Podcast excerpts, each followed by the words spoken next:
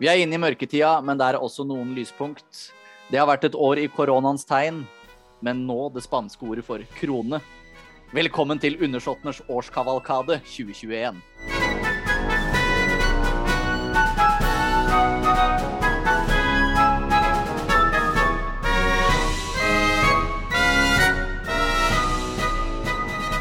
Altså, her er det en som har pugga spansk inn mot juletida. Det skal jeg love deg, Jørgen. Eh, Men jeg hadde tross alt spansk fem år på ungdomsskolen og videregående, men jeg kan ikke et kvekk. Nei, men altså, korona har du lært deg, da. Det har jeg. Det har, selvfølgelig. Jeg lærer alt som har med korona å gjøre. Ah, ja, så du kan alle myntenhetene i Europa òg, du, eller? Det er ikke så langt unna. Jeg er samler på mynter. Du er jo en liten raring, da. Herregud. Det som på pent heter numismatiker. Ja, riktig. Men det, det er godt at denne poden ikke fokuserer på det, tenker jeg, for da hadde ikke jeg sittet her. Det er sant, men uh, kanskje jeg lager en sånn sidepod om det òg. Åh, da hadde jeg Ja, jeg hadde ikke lytta på den, da, jeg skal være så ærlig. Jo, kanskje Men, det kan være altså- mange interessante inntrykk. Det er veldig hyggelig at eh, folk blir med oss i dag også, på årskavalkaden 2021. For et år, Ole Jørgen. Dette er jo noe av det morsomste, når du skal gå gjennom alle de største nyhetene fra året som har vært. Og så ser du hvor mye det egentlig har blitt og vært gjort, og opp- og nedturer også, i hele Europa. Veldig mange opp- og nedturer. Men eh, først så må jeg bare introdusere oss, da, for det glemte vi nå. Jeg heter da Ole Jørgen Schulzer Hansen, og med meg så har jeg Jørgen Kaupang Martinsen. Og det er vi Ja, to er som er da da. programlederne i Undersåttene. Ikke. Ja, det er hyggelig eh, for de som har vært her før, og eventuelt nye folk. Så er det to unge, kjekke karer som sitter på hver sin Teams i dette korona- eller kroneåret, da, som vi nå snakker om. For å veilede dere gjennom årskavalkaden. Ja, du kan kalle denne episoden for Koronaen på verket. Og den var tørr. Men vi begynner, det er ganske straks inn i året 2021 at det kommer noe stort nå. For 17. januar så har kong Harald regjert i 30 år. 30 år. Altså, vi snakker eh, Det lukter generasjonsskifte i hele Europa i år. Eh, Og det er jo stygt å si det, men 30 år på tronen er ganske lenge for en norsk konge. Og likevel så er det den korteste regjeringstiden etter 1905. Det også er interessant. Han må da tross alt regjere skal vi se hvor mange år til blir det, ja? fire år til før han har slått kong Olav. For han regjerte i 34 år. Ja, og kong Haakon satt vel mye lenger. Ja, 52. Ja, jeg beklager, Harald, men jeg tror ikke du rekker det. Nei, da Hvis han blir liksom sånn 104, 106 år, da, så har han jo da regjert såpass lenge. Jeg blir imponert. Han har jo tross alt gen, litt samme gener som dronning Elisabeth, og hun har jo ikke tenkt å Hun vandre helt ennå. Men altså, de feira jo 30 år på tronen. litt nedtona, da, selvfølgelig. For, eh, men det de kalte feira det med, var da TV-serien eh, Rex-Faktor. Ja. Som hadde blitt spilt inn med tanke på 30-årsjubileet, hvor det da gikk gjennom de fleste, eller de største statsbesøkene som kongen og dronningen hadde hatt. Og for dere som ikke har sett den serien enda, det var en innmari fantastisk måte å se litt nærmere på hvordan kongeparet i 30 år har jobba for Norge. Ja, og så, så mange morsomme eh, referanser og, og anekdoter hele veien. Ja, det var altså alt fra eh, Haralds, på en måte, eller Hans Majestet Kongens hukommelse, til Hennes Majestet Dronningens system. For altså alt fra på en måte bare kleskoder, hvor det skal være to toalettpauser, og til hvilke severdigheter og historisk informasjon knytta til de. Altså, for en rå power-duo vårt kongepar er. Det er jo gøy da, når kongen forteller om da president Bill Clinton var litt for seint ute til mottagelsen ved Det hvite hus. Og når Bill Clinton da først kommer, så sier kongen 'Welcome to the White House'. Og det er ganske gøy. Det er så prima. Det blir ikke bedre. Nei, og det, men det, og det også sier jo kanskje litt om vårt kongepar. Det at i forbindelse med det statsbesøket, så fikk jo de overnatte på Det hvite hus. Og det er det svært få andre som egentlig har fått lov til. Ja, det er, det er, ikke, det er ikke noe vanlig ved statsbesøk til, eh, til USA. Men grunnen til det er jo fordi at kong Harald bodde der under krigen. Da han var på omvisning der samtidig, og de fortalte om denne eh, innsvergingen til eh, Roosevelt, president Roosevelt, så sier kong Harald ja, jeg sto her og pekte på den plassen på gulvet. Men det er, og så sier det litt om båndene mellom Norge og Amerika. Hvor eh, sterke de fortsatt er. Når man tross alt velger å be inn vårt statsoverhode med hans eh, hustru til å overnatte i Det hvite hus. For det er svære saker, selv om vi ikke tenker på det. Det, det er en såkalt ære. Men 30 år på tronen, altså Det er jo imponerende. De har sittet lenger enn hva vi har levd. Så det her er jo på måte På mange måter så er jo dette vår For våre besteforeldre så er det jo kong Olav som er kongen. Eh, Men for oss så vil jo det stort sett alltid være Harald. Det stemmer, det. Det er nok sånn det kommer til å bli. At det er han vi vokste opp med, og dronning Sonja med liksom alle fjellturer og kongen på seiling og Altså det er virkelig et aktivt par, og de har jo vært aktive også i de 30 åra de har holdt på. Ja, de ligger jo ikke på latsiden nå heller. Det, det, kong, kong Harald blir jo bare likere og likere sin far når eh, han flyr rundt med disse to krykkene sine. ja, du kan si det. Ja, det var jo nå det siste kong, kong Olav gjorde etter han eller før han gikk bort i 1991, var jo å gå med to stokker til julegudstjenesten i eh, Holmenkollkapellet. Ja, tenk deg det. Men altså, det går jo bedre og bedre med Harald. Altså, du ser at eh, Jeg så bare han eh, på Nobelutdelingen nå. Han nærmest trippa opp den trappa der, altså. Den mannen han har noe eh, nedvær av stål, for han bare røska seg opp de trappene inn Oslo rådhus. Og så var det på med krykkene igjen, da. Og så er det litt sånn når du har dårlig bein, så du ser jo fort litt skjørere ut enn det du egentlig er. Ja, det er akkurat For det. huet hans er det jo ikke noe problem med, og det så du i den Rex-faktor. Det gjorde du, og du så det også i intervjuet som kom senere det året, på sommeren med Harald Nei, med Harald, høre, med Karsten, Karsten. Warholm. Ja. det er liksom en kvikk konge vi har, og det er jo fantastisk deilig at etter 30 år Altså, tenk deg, vi fikk lov til å starte med det i januar 2021 med at vi feirer 30 år på tronen. Ja, vi mangler en svær galla. Ja, vi mangler en operaforestilling eller festaften for kongeparet. Men vet du hva? Det er noe norskt og noe deilig over det. At vi kjører på med en TV-serie, og det rusler og går. Så skal vi da over til februar, hvor det da 9. februar blir født enda et oldebarn til dronning Elisabeth. For prinsesse Eugenie av York og Jack Brooksbank får da en sønn. Ja. Og han blir døpt August Philip Hawkey Brooksbank. Ja. Og her var det jo Philip er jo for eh, hertugen av Edinburgh. Eh, som eh, jeg ikke klarer å si helt riktig. Er det Edinburgh eller Edinburgh, eller hva er det man På sier? norsk så er det jo Edinburgh, men ja, på engelsk er det Edinburgh. Ja, da går jeg for Edinburgh. jeg. Det Jeg jo sier det på norsk. Det er hertugen av Edinburgh. Ja. Men han er jo da da jo også hyggelig. Ja, og han er jo oppkalt etter en sånn tippoldefar av Jack Brooksbank òg, som var en form for misjonær eller noe sånt. Ja, øh, øh, viktig i Brooksbank-familien. Uh, Hawkey, eller Hawk. Øh, artig navn. Veldig kult navn på mange måter. Eh, ikke kongelig i det hele tatt, så det er litt tøft at eh, Eugenie valgte å trekke inn det på sin Men sønn. August er veldig Det er mange av disse mange av de um, Hanover-kongene som hadde til, hadde til mellomnavn. Men het ikke egentlig prins Albert til dronning Victoria? Het vel også noe i den duren? Jo, det, og de slekter jo på hverandre, Hanover og Saxe-Coburg-Gotha.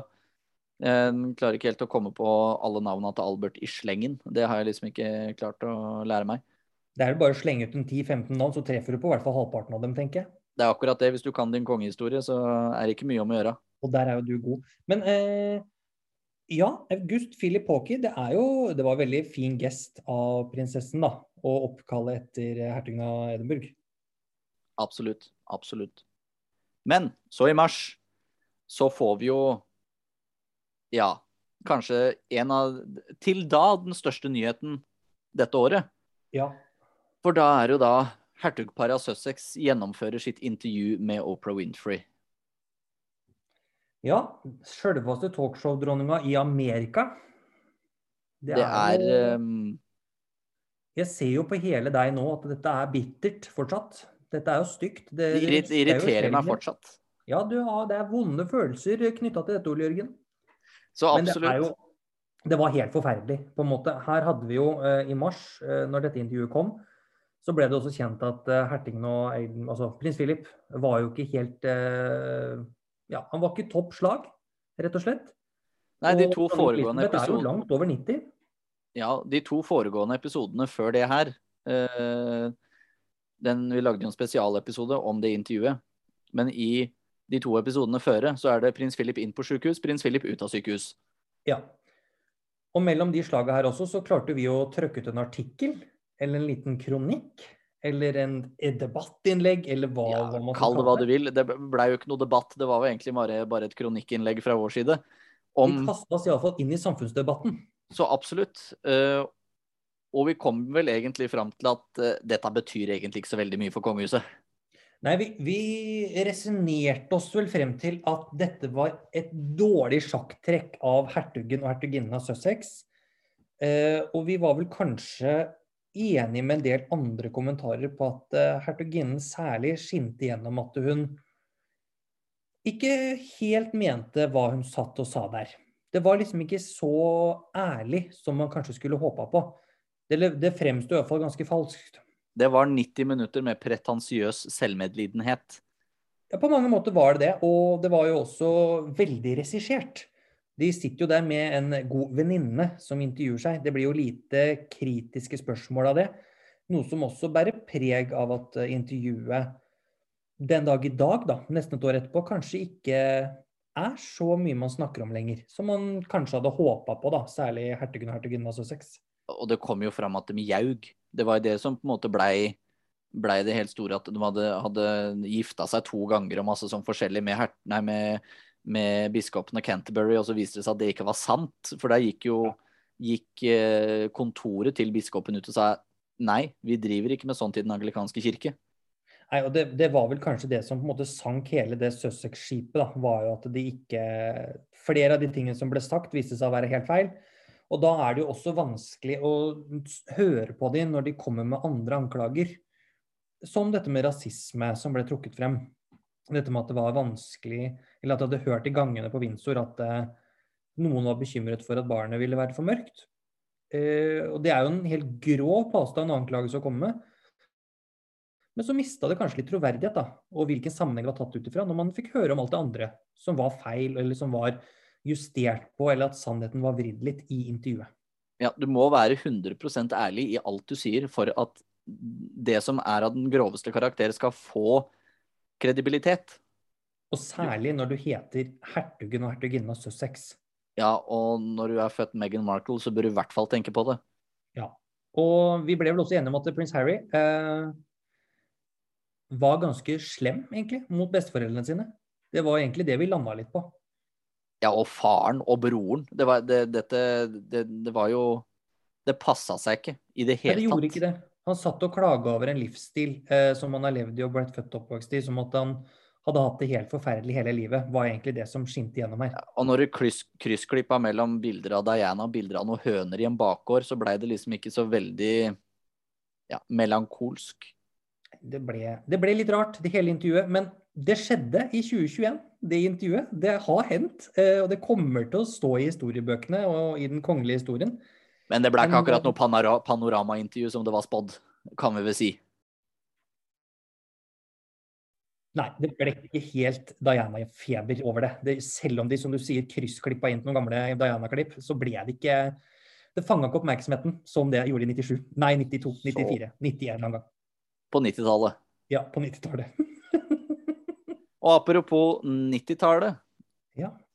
For i april, to måneder etter at August Philip Hawkey Brooksbank ble født, så dør prins Philip, hertugen av Edinburgh. 99 år gammel.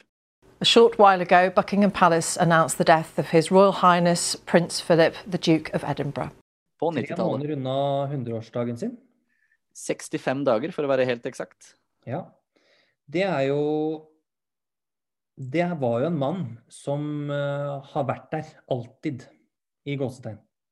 Og min favoritt i, det, i alle kongehusene. Din favoritt, en respektert mann og en person som virkelig har vist at uh, det går an å gå egne veier, også innenfor de kongelige rammene som blir satt. Det var jo veldig flott uh, i Sverige, for han var jo ridder av Serafima-ordenen. Og blant annet, og tatt opp i ridderhuset der. Og når en av ridderne dør, så blir jo plank... Altså, de jo, får jo malt et uh, våpenskjold som blir flytta fra én bygning til en annen bygning uh, når du dør, og får en plass, på en måte. Og så blir det jo skutt uh, kanonsalver.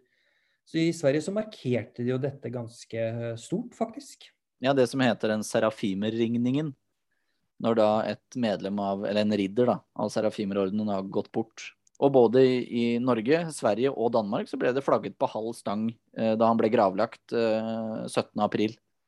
Og det også er jo egentlig ganske sjeldent at vi gjør. I hvert fall særlig det at eh, kongen eller monarken i landet velger at mannen til en annen monark, at det skal flagges for dem. Det viser litt om eh, hva de tenker om han, også her til lands, da. Og vi, vi, vi lagde jo to episoder spesialepisoder om en. Både det at han først nå var borte, og så da en spesialepisode om eh, begravelsen hans, som da fant sted i St. George Chapel. Eh, for det er jo en kjensgjerning at denne mannen var mer kongelig enn dronningen. Ja, absolutt. Han er jo født gresk prins.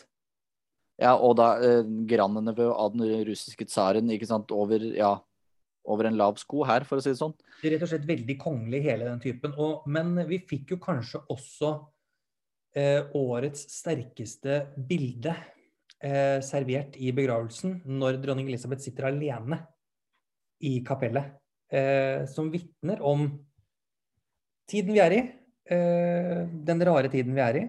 Og det bildet det er jo ikke lenge siden det ble trukket fram. Eh, for i Storbritannia om dagen så er jo Boris Johnson i hardt vær for litt festing. Og da er det jo dette bildet som blir trukket fram, og som viser at ekte lederskap er når du følge reglene selv om du er i en tung periode. Og det å se dronning Elisabeth, en kvinne på over 90 som nå blir enke etter å ha vært sammen med altså prins Philip i alle, alle, alle år, over 70 år så, 72,5 år hadde hun vært gift. Ja, det er sterkt, altså. Det er sterkt å se. Og for Men, oss så var det jo litt rart, da. Eller for deg særlig. Så er det jo synd at vi nå ikke får snakka så mye om prins Philip framover. På samme måte. Så absolutt. Og, og en ting som irriterte meg litt jeg, jeg, forstår det veldig godt at den sammenligningen ble dratt. Eh, men sånn som Inger Merete Hobbelstad i Dagbladet Jo, det er ved Dagbladet hun skriver for. Skrev det at en, titel, en kronikk med tittelen 'Dronningens eneste opprør'. Og det stemmer. At prins Philip var hennes eneste opprør, fordi at foreldrene hennes så jo helst at hun giftet seg med en engelsk adelsmann. Men at han selv etter over 70 år i tjeneste for det britiske kongehuset, selv når han er død, så skal han kobles til dronninga. Altså to meter bak. Ja. Det syns jeg faktisk var litt Det var et slag under beltestedet. Han, han, kunne akkurat liksom i døden fått skinne litt aleine. For alt ja. han har gjort for, for, WHO og hvalfangst og både det ene og det andre. Og ikke, ja, og, ikke minst for monarkiet. Nei, det er det. Han har jo modernisert det på så mange flotte måter. Og det ble jo laget en uh, fantastisk serie som i utgangspunktet ble filmet inn for hundreårsdagen 100-årsdagen hans, men som ble justert, uh, som da var med alle barna hans og enkelte av barnebarna. Som fortalte litt om, om Philip, da. Som mann, og ikke prins Philip. Ja, som, som mann, far og bestefar. Ja, rett og slett.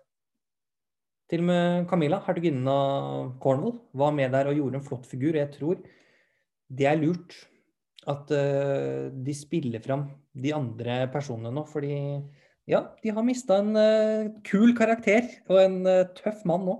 Ja, og så er det en ny generasjon som snart skal ta over, og da må de spille på andre, ikke bare disse gamle kjente. Det er akkurat det. Så i mars Eller i mai, da. Mai, ja. Jeg kan ikke måneden heller. Jeg. Nei, det er vanskelig, Jørgen. Det begynner å bli litt seint. Jeg, jeg, har vært en lang uke. Ja. I mai. Så kritiseres prins Emanuel av Liechtenstein for å ha skutt en bjørn. ja, I Sveits, eller et eller annet sånt. Det, det, for han, han, var jo ikke i Liechtenstein, og det var jo egentlig det han ble kritisert for. For å ha dratt ja. ut på reise for å jakte midt i en pandemi. Ja, og de var jo ikke Altså, de var på bjørnejakt, og det er én ting, men det var jo dette at det var i pandemi. Eh, og et annet sted som gjorde at assosiasjonene til en elefantjakt i Botswana kanskje ble litt sterke. Skjønner ikke hva du Eh, mener. For de som ikke fulgte akkurat med der, så var det spanske, tidligere spanskekongen Juan Carlos eh, tok seg en tur til Botswana for noen år siden etter å ha hatt seg med elskerinna si i Tyskland på sånn mellomstopp. Eh, Skjøt noen elefanter og kom igjen igjen midt under finanskrisen. Og det ble det halloi over. Og nå det blei litt halloi i Liechtenstein når denne Manuel hadde vært og skutt litt bjørn nede på Balkan. Men det er jo spennende likevel. Det var, men altså, det var jo kanskje en, det er jo en av altså årets morsomste historier. Ja, det, den, den, den, den er litt som da fjorårets eh, historie om da Ernst Augustav Hanover hadde blitt arrestert og lagt inn på psykiatrisk fordi han var sørpedritings. Den er liksom, De er oppå der og nikker, og det er ganske gøy. Men altså, jeg setter pris på disse gode historiene, og det at vi kan ha det At det skjer litt grann sånn utenom eh, den A4 gullkrona, liksom. Det er jo det som gjør det moro. Ja, Men det er jo det som gjør at vi også har noe gøy å diskutere. fordi altså Diskusjonene her kan jo være mange. Én ting er at det er pandemi, en annen ting er skal eh, kongelige dra på bjørnejakt på Balkan? Altså, Er det på en måte innafor? Altså, skulle vi sendt prins Sverre Magnus ikke sant, til Amazonas for å skyte på noen sommerfugler? Jeg veit ikke helt. Da er han god til å sikte.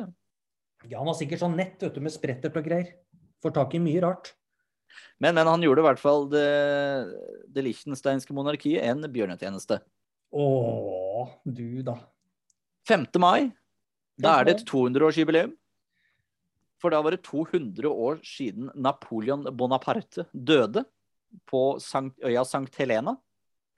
Og det var jo da en minnegudstjeneste i Paris, hvor ingen ringere enn Frankrikes president Emmanuel Macron med kone, og da etterkommere av Napoleon var til stede. Ja. Det også er jo et eh, symbolsk øyeblikk. Så absolutt, med tanke på at dette er jo da den tidligere keiseren av Frankrike som de, de minnes. Eh, Og da at det er da er det oldebarnet etter Napoleon den tredje eh, dette overhodet er. Det er jo tre forskjellige familier som gjør krav på den franske tronen. Men dette var da Napoleon, da. Et eller annet, et eller annet. Ja. Men det er jo Det, ligger jo mye symbolikk i det at eh, presidenten for det moderne Frankrike hedrer eh, keiseren, den tidligere keiser av Frankrike. Det er eh, Skal man begynne å reflektere over det, så kan man støte på mange ulike problemstillinger. Vi får se, da. Om de gjør det samme når det er hva da, 230 år siden eh, det som blir? Jo, 230 år siden eh, Ludvig den, 14, Ludvig den 16. ble halshugget. 21. januar 2023.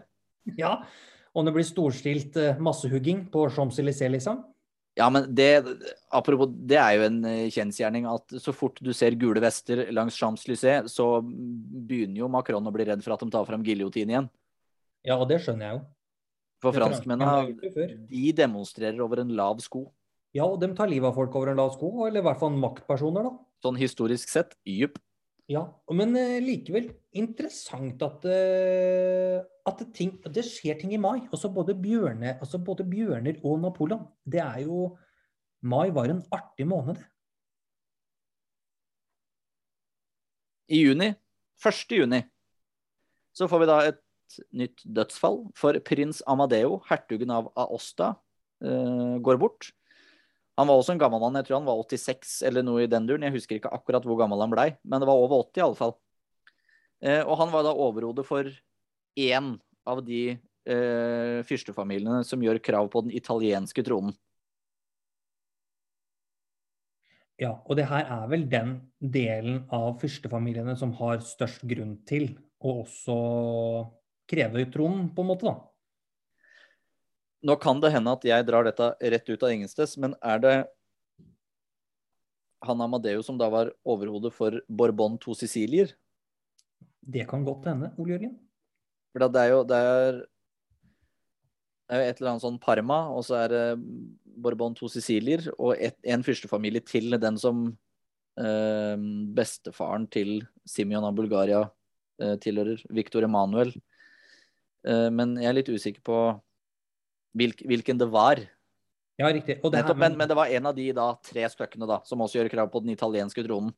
Ja, og han har jo vært en hissigpropp i mange år. Altså, vi snakker om han her og fetteren hans, eller tremenningen, eller hva det er for noe. Han and, en av de andre da, som også ønsker å være liksom konge i Italia. Eh, de har jo åpenlyst i mange år krangla og liksom rett og slett havna i handgemeng på ulike familiesammenstillinger, både i inn- og utland.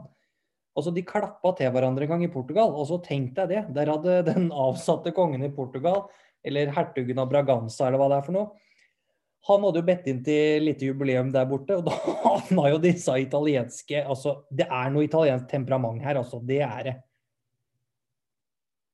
Og det er jo ganske artig at det skjer ting. Det er alltid, det er alltid noe med disse italienerne. Men igjen da, så viser det at nå er det jo De eldste er eldst og går bort innimellom, og det kommer jo nye krefter til. Det gjør absolutt det. Og så i juli, så er det jo en sak som fikk ganske mye oppmerksomhet. For da er det prinsene William og Harry som avduker en statue av Diana. Og dette ja. er første gangen de møtes etter begravelsen til eh, prins Philip. Og egentlig første gangen etter intervjuet med Opera at prinsene har en mulighet til å snakke sammen. Ja. For prins Harry dro jo rimelig kvikt fra begravelsen til prins Philip for å komme seg hjem igjen til California. Han, han var ikke lenge på britisk jord. Men det så nå i hvert fall ut som at det var en god tone. Tilsynelatende. Ja, de eh, oppførte seg iallfall og gjorde jo heder på sin mor, som de ønska. Og det er som du sier, det ble en stor sak i media rundt dette. Men media hauser jo opp på dette, vi snakka om flere ganger òg, at media tar jo tak i et lite hårstrå og lager en parykk ut av det. Og i hvert fall britisk media. Den er jo voldsomme. Voldsomme, ja. De er jo ikke skam. Nei, og det, og det, gjør jo vi, på en måte. På mange måter. Så vi eh, må jo bare si at det, det virka som at de hadde det ålreit. De var der for å hedre moren sin, og det fikk de til. Ja, og verre var det ikke. Og 22. juli så var det jo mer hedring som uh, skulle til. Uh, eller minne, da. For da var det minnegudstjeneste for terrorangrepene i 2011, for det var jo da ti år siden i år. Hvor både kongepar, kronprinspar og kronprinsparets barn var til stede. I tillegg så var jo kronprinsparet og prinsesse Ingrid Alexandra ute på Utøya. Og var med på kransenedleggelse og konsert der. Eh, og vi fikk jo på en måte se Ingrid Alexandra i en helt ny rolle for første gang litt mer ordentlig. Ja, veldig Ikke strigla, det blir feil ord, men eh, ikke bare slenge vinflaska på båten. Ja, det var ikke barn lenger heller. Nei, nå er hun 18 år neste år. Januar nå snart. 21. januar. Og det, og det var På veldig mange måter så var det en veldig fin anledning å spille opp Ingrid Alexandra som arvtaker til et monarki med en historie.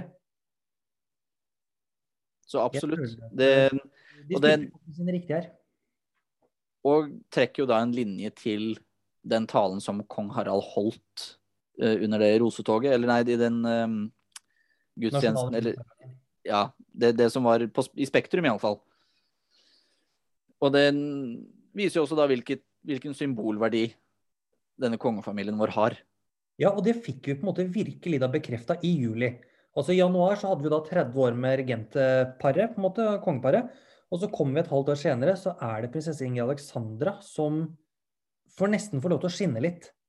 Eh, og eh, bli introdusert til et mer offentlig liv og et offentlig oppdrag. Og jeg syns det var en veldig fin anledning. Eh, og jeg syns det var fint at kongeparet og kronprinsparet også stilte opp når det var ti år i juli så hadde jo vi eh, en liten morsom Et lite morsomt møte.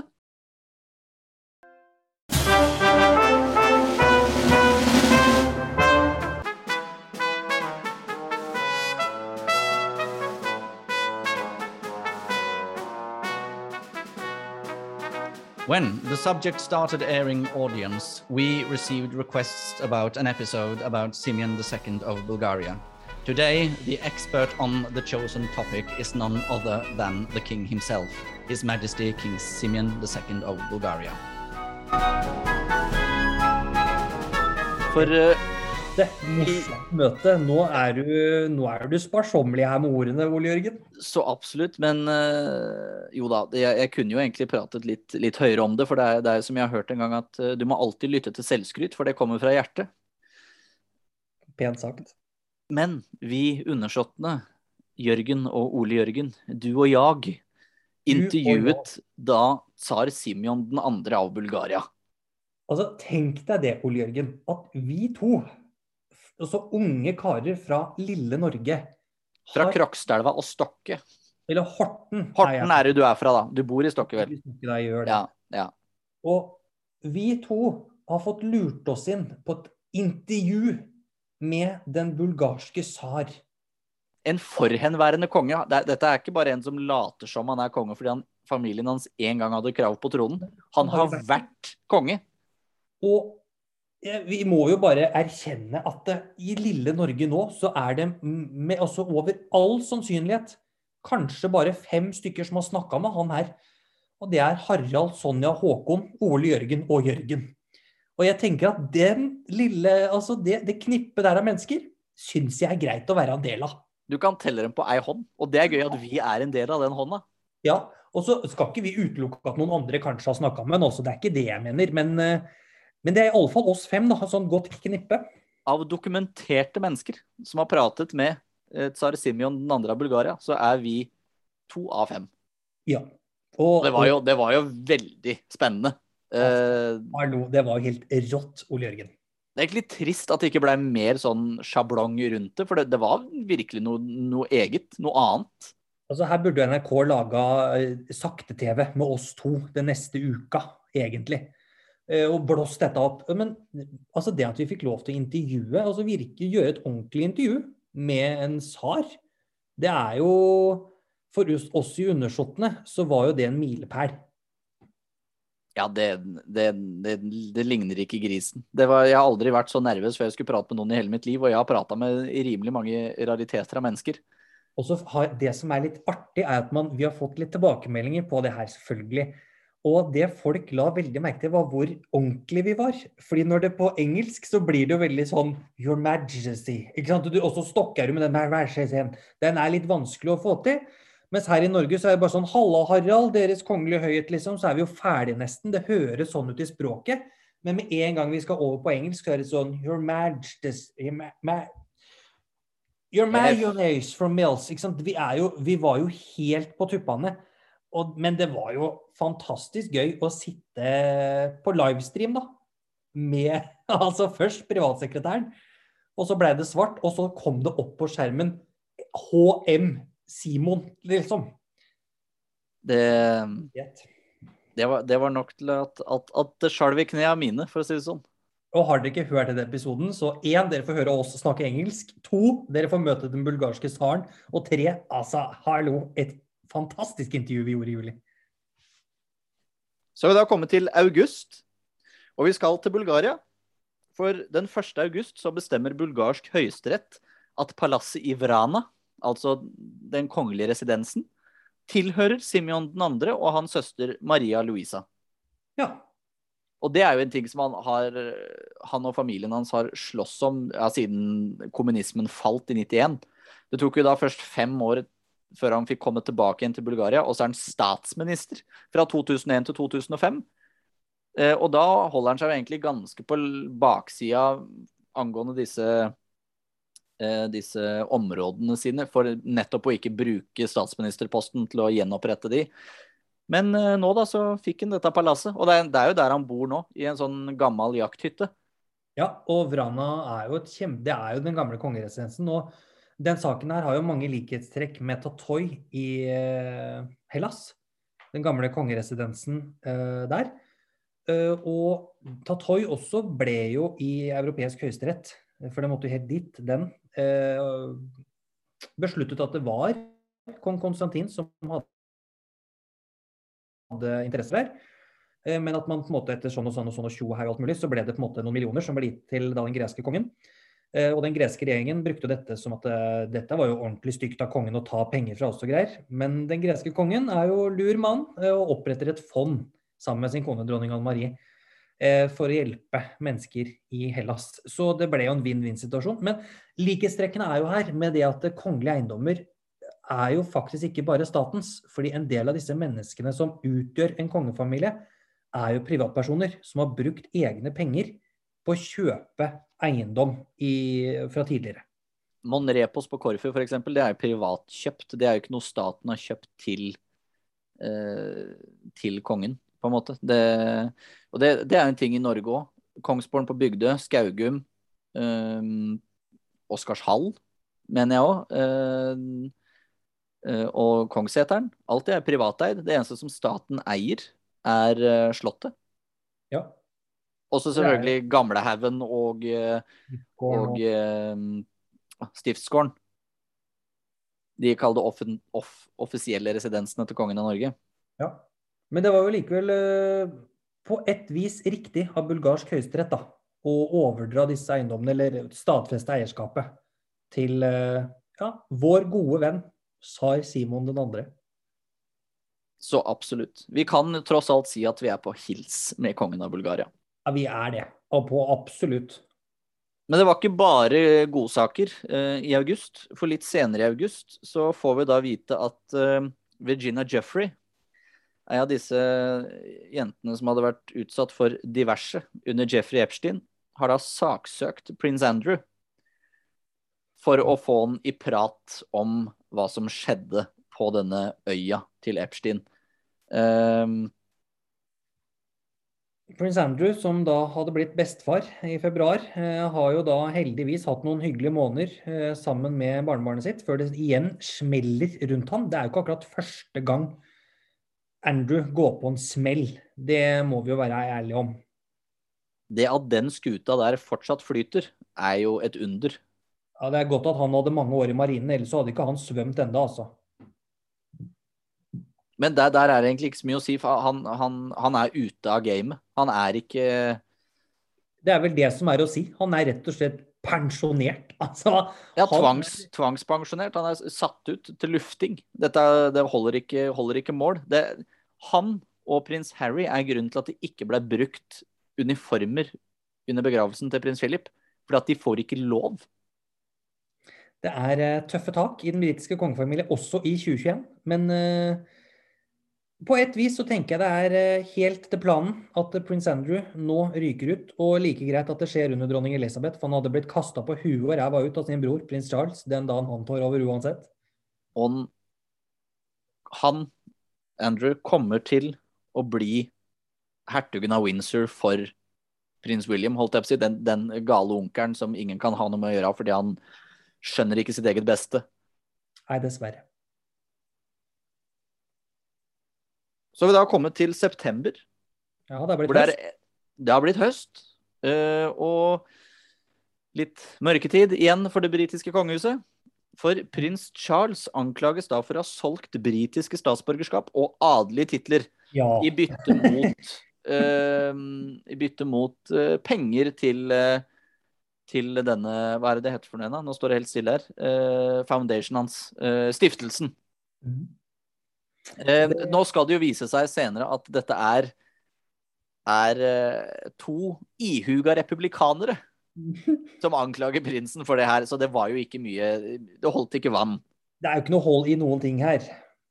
De jo, det er jo nesten som at du liksom på en måte har gått ut på et jorde, gravd fram en gammel stein og sagt 'dæsken steike, her er det en vikinggrav'. Altså, det var jo litt sånn, egentlig. Eh, fordi det, her, det, var jo ikke hold i noen ting. Det var bare noen som ønska å ha en liten svertekampanje mot eh, ja, arveprinsen, da. Men det kom jo gledelige nyheter da, litt senere i september. For prinsesse Beatrice av York og grev Edvardo Mossi får en datter. Og hun får da navnet eh, Sienna Elisabeth Mapella Mozzi. Ja, Sienna etter den italienske byen, eh, fordi herr Mossi er jo italiensk greve. Elisabeth etter The Elisabeth? Ja, dronningmoren tenker du på? Nei. ja, riktig. Eller Elisabeth den første var vel egentlig jeg mest tenkte på. Uh, men altså, jeg tenker bare at her var det ikke mye offisielle bilder med bestefar. Det er jo kanskje en grunn til. Muligens, muligens. Og prins Andrew var jo ikke til å se i det hele tatt rundt om det kring her. Det er jo Men- ikke bilder av han fra dåpen eh, til ungen engang. Nei, ingenting. Men det, hun fikk jo en datter, og det er jo veldig hyggelig at Sarah, hertuginnen av York, har blitt bestemor, tenker jeg. To stykker, samme prins Andrew, da. Men altså, Sarah, hertuginnen av York, hun har jo steppa opp gamet.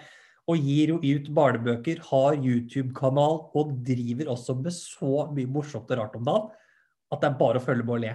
Se for deg når disse ungene her blir 20, liksom, og de skal ut og henge med bestemor. Det kommer jo til å Det blir prima. Ja, det er Wenche Myhre 66, altså. Da er du ute på motorsykkelen og kos deg. Og så kan du jo tenke litt lenger at når de begynner å lese seg opp om bestemor og bestefar i mediene, så er det jo kanskje ikke like gøy. Men likevel, det er utrolig hyggelig at uh, den britiske kongefamilien igjen øker på med nye tilskudd, og en ny generasjon vokser veldig frem. I årets tiende måned så uttaler den nederlandske statsministeren seg om likekjønnet ekteskap for tronarvingen i Nederland, og sier jo da at verken regjeringen eller parlamentet kommer til å motsette seg et slikt ekteskap hvis det skulle komme på tapeten. Det er en eh, tøff statsminister, Mark Rutte, som eh, får et skriftlig spørsmål fra Jeg skal ikke si hvilket parti det var, men det var et av disse venstrepartiene i eh, Nederland som lurte på dette. Og han svarer rett ut uten å nøle noen ting. Yes, får vi en eh, dronning, blir Katarina Amalia forelsket i en jente, og de ønsker å gifte seg, så skal de få lov til det. Og da får vi to dronninger i Nederland. Det var, han, han rykka ikke på nesa et halvt sekund engang. Og der er det jo så å si bare dronninger, så hvorfor ikke? Ja, det er det, de er veldig vant til dette med å ha dronninger uansett, så det er jo ikke så rart, kanskje. Men det, det var jo et veldig tydelig signal til verden. Ikke bare til nederlenderne sjøl, men til alle oss andre om at eh, hei, hei, det er faktisk kjærlighet som står øverst, selv om du har en jobb og en plikt du skal følge. Det er nettopp det. Og mange klarer nok å balansere det helt fint. Ja, og, men også det at eh, også Katarina Amalia, da, som er tronarving og er fortsatt er en ung dame, får en så tydelig støtte fra regjeringen og fra landet, da, altså de folkevalgte. Det må jo gjøre noe med at eh, rollen hun skal bygge seg og vokse inn i, må jo ha et trygt eh, grunnlag, da. Det er nettopp det. Hun vet jo godt hvilken støtte hun får i parlamentet da, som, eh, som fremtidig dronning. Ja, og hvilke verdier som er i det nederlandske folk sånn generelt. må, jeg tenker bare at det må være veldig godt for henne å ha, vite at folket er såpass oppegående, da. Og så er det jo, det er jo teknisk sett, hvis du tenker sånn aldersmessig, ikke så lenge til hun eventuelt blir dronning. Med tanke på at uh, nederlandske monarker har en tendens til å abdisere. Uh, og hvis jeg ikke husker riktig, nei, hvis jeg husker riktig, mener jeg, så uh, den forrige dronningen, dronning Beatrice, Beatrix, Beatrix, ja. var 72 da hun gikk av. Ja, god gammeldags pensjonistalder, rett og slett. Og uh, kong William Alexander er jo nå, begynner å nærme seg 60. Ja. Så det er jo bare en ja, 17-18 år da, til hun eventuelt skal ta over, og da er jo jenta bare 36. Så får vi se hva, hvor lenge kong William Alexander og dronning Maxima sitter. Det er jo også første gang det har vært en konge i Nederland på veldig lenge. Så det er jo ikke en, man vet jo ikke helt hva som skjer. Men sånn rent monarkisk så vil man jo tenke at han går av på pensjonsalder rundt 70-80. Ja, de, tre, de fire siste monarkene i, i Nederland har jo bare vært damer. Ja, Det var, det var Albert den første, han som var så langt pokkervoll ut i arverekka, som, eh, som var den, første, eller den siste kongen av, eh, av Nederland nå før Wilhelm Alexander. for det var jo da dronning Wilhelmina, så dronning Juliana, og så dronning Beatrix. Og nå er det da kong Wilhelm Alexander, og så vil det bli dronning Katarina Amalie senere. De damene der, holdt jeg på å si, er jo grunnen til at Nederland fortsatt ikke er i union med Luxembourg, fordi at det var forskjellige arvelover. Det er også det er, det, altså Nederland, et land som er frempå. Tøft.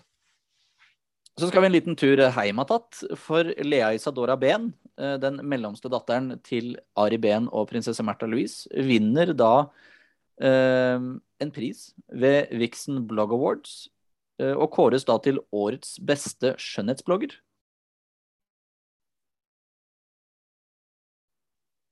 Og dette skjer jo i eh, moment med at uh, storesøster Maud gir ut bok, og lillesøster Emma uh, viser seg å være en ganske god, så god sprangrytter. Det er, det er ikke gærent det her. Altså. De ungene til, til prinsessen begynner å, å formes, de òg. De, de, blir jo unge kvinner, de òg. Uh, og jeg tenker jo at her har jo kongeparet vårt noe å faktisk være stolt av. Tre unge jenter som har litt bein i nesa. Uh, står i offentligheten og har jo på en måte en mamma som er prinsesse, og en pappa som er Ari Ben. Så det er på en måte, det er jo litt å stå i, tenker jeg jo. Her har du mulighet til å gjøre hva pokkeren du vil, for å si det sånn. Ja, det er jo to kunstneriske mennesker som har møttes og fått tre kunstneriske barn. Så det blir gøy å se hva som skjer fremover med Maud, Lea og Emma. Det må man jo bare si. I november så holder vi oss i Norge. For da er det duka for statsbesøk fra intet land ringere enn Nederland. Gode venner. Fra, 9, fra 9. til 11. november så er det nederlandske kongeparet på statsbesøk i Norge. Og De er jo da først i Oslo 9. og 10., og så er de i Trondheim 11. Og de kommer jo da med det nederlandske kongeskipet. Nei, de gjorde jo ikke det. De det var det de ikke gjorde. Ja, det var, det var han tyske kansleren eller rikspresidenten eller hva pokkeren det var, som var her med et krigsskip. Ja, det var, lå et krigsskip i Oslo på det tidspunktet. Nederland har jo ikke båt, Ole Jørgen. Jeg vil bare presisere det. altså. Det er bare Danmark og Norge som har kongeskip per dags dato. Det er trist. Det er, det, er, det, er, rart at en sjøfartsnasjon som Nederland ikke har et kongeskip. Det, ja, det er, det er litt rart. Det er det. Det må endres på. Men de var jo her. Det var dem. Og i talen til, fra kong Harald så bekrefta du egentlig bare alt hva vi har sagt og visst, at de er gode venner. Det her er ikke bare kollegaer, dette er gode venner. Og særlig uh, kong Harald og dronning Beatrice, eller prinsesse Beatrice nå, da, de har jo vært årelange altså, De har jo vært venner siden de var små, rett og slett. Så det her er, det er tette bånd. Uh, prinsesse Märtha Louise var jo også med som offisiell prinsesse. Og det har vi jo snakka om før, og det, jeg syns jo det var helt fantastisk at vi fikk se prinsesse Märtha Louise. Ikke bare Märtha Louise. Nei, og det, det, var noe litt godt med at hun også var her når det var Nederlands statsbesøk. Det viser jo at hun er interessert uh, i det, og at de er gode venner. Det bygger opp om relasjonene våre, men det viste også at vet du hva, vi har jo prinsesse, prinsesse Märtha Louise i Norge. Som vi skal bruke, og som bør få representere. Tenker jeg. Jeg synes at vi, jeg håper vi får se mer av prinsesse Märtha Louise nå som hun har bikka 50. Altså Jeg håper hun får en rolle som prinsesse Astrid har. Og så vil, vil, jeg si det at hun det siste året har tatt seg opp litt. Så nå, nå er det greit at du er tilbake i, i, den, i, den gode, i det gode selskap. I manesjen. I desember så skal vi da holde oss, i, i hvert fall i begynnelsen, til Nederland. For i starten av desember så fyller den nederlandske kronprinsessen 18 år. Ja. 8. desember, hvis jeg husker riktig. Ja da. Katarina Amalia, Carmen Beatrix, blir altså 18 år. Eh, blir Og det, fest, det, feires, jo ikke stort. Det blir lansert noen offisielle bilder, og de har en liten samling, men Og en liten tale overfor parlamentet, for nå skal hun jo tross alt begynne å være med i statsråd. Ja, hun har fått... Og det, jeg har hørt, hørt talen hun holdt uh, på nederlandsk. Nederlandsk er et fascinerende språk. For det høres ut som nordmenn som prater kav-amerikansk. Ja. For det er, det, er rulle-r-en. Det, det, det, er det rareste jeg har hørt. Det er innmari interessant.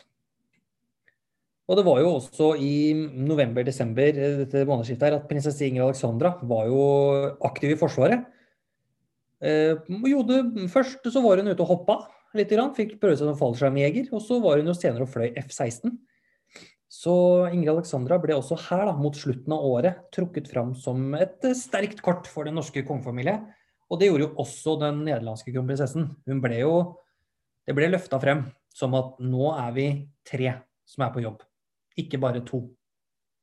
Det blir veldig spennende å se hvordan det neste året blir, når både den nederlandske kronprinsessen er 18, og når vår arveprinsesse blir 18 i januar. Ja, og prinsesse Elisabeth, i, kronprinsesse Elisabeth i Belgia er jo også blitt en stadig mer offentlig figur. Så de vokser til, disse små jentene, Ole Jørgen. De vokser til. De gjør det. Plutselig en dag så er de dronninger hele gjengen. Ja. Så har vi da kommet til siste nyhet for året. Ja. Eh, hvor da 16.12. så kommer det ut en mm, news om at kong Konstantin 2. av Hellas legges inn på sykehuset mm. med slag. Det er det som blir rapportert først. Absolutt. Men så kommer det da to dager seinere, heldigvis, kontrabeskjed at han er lagt inn bare fordi han hadde lungebetennelse. Ja. Eh, Og for en mann som allerede har hatt slag, og nå har rundet de 80, så er det ikke så det, det, Du skal ikke kimse av en lungebetennelse heller. Men det ser nå ut til at det har gått bra, da. Og at han fortsatt eh, ruller rundt i stolen sin. Ja, og både dronning Anne Marie og prins Nicolas, deres nest eldste sønn, som bor i Hellas, eh, hadde jo fulgt han eh, til sykehuset eh, og var med på skal vi si, reisen.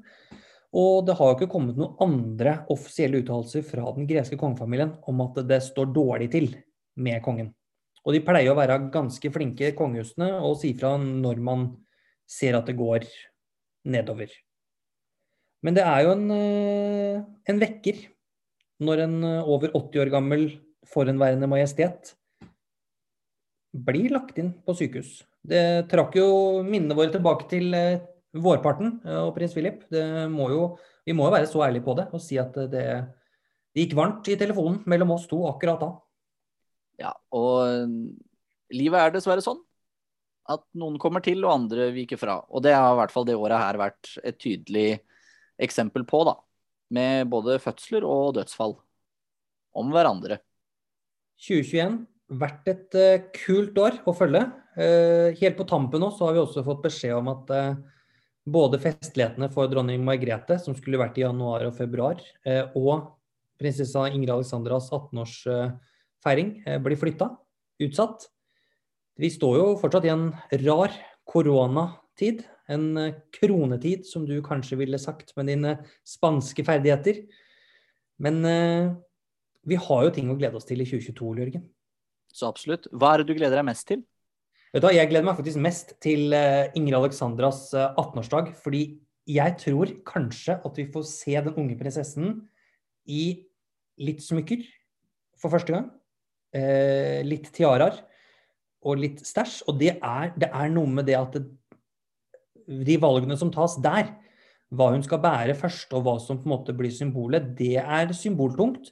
Det er viktig for eh, kongehuset, men det er også viktig for oss. Få se hva som skjer. Eh, så jeg tror kanskje at det blir et høydepunkt å se hvordan man presenterer arveprinsessen som 18-åring. Det tror jeg blir viktig. Det blir veldig spennende. Jeg gleder meg mest til 70-årsjubileet til dronning Elisabeth. Ja, 70 år på tronen. Det er altså Ja. Det er tre år til, så er hun verdenshistoriens lengst regjerende monark, hvis du ikke tar med en sånn halvukjent farao fra Egypt, da. Men de er litt usikre på når han regjerte. Ja, riktig. Men det blir utrolig spennende. Med andre ord, året 2021 er eh, Ja, det er et kapittel som er lukka. Og 2022 eh, er i ferd med å skrives inn. Og vi har ting å glede oss til. Og med det takker vi i Undersåttene for følget, ikke bare for denne episoden, men for hele 2021. Og håper at dere alle blir med videre inn i 2022 og enda et år i kronens tegn. God jul, godt nyttår, og Jørgen, Vi lyttes.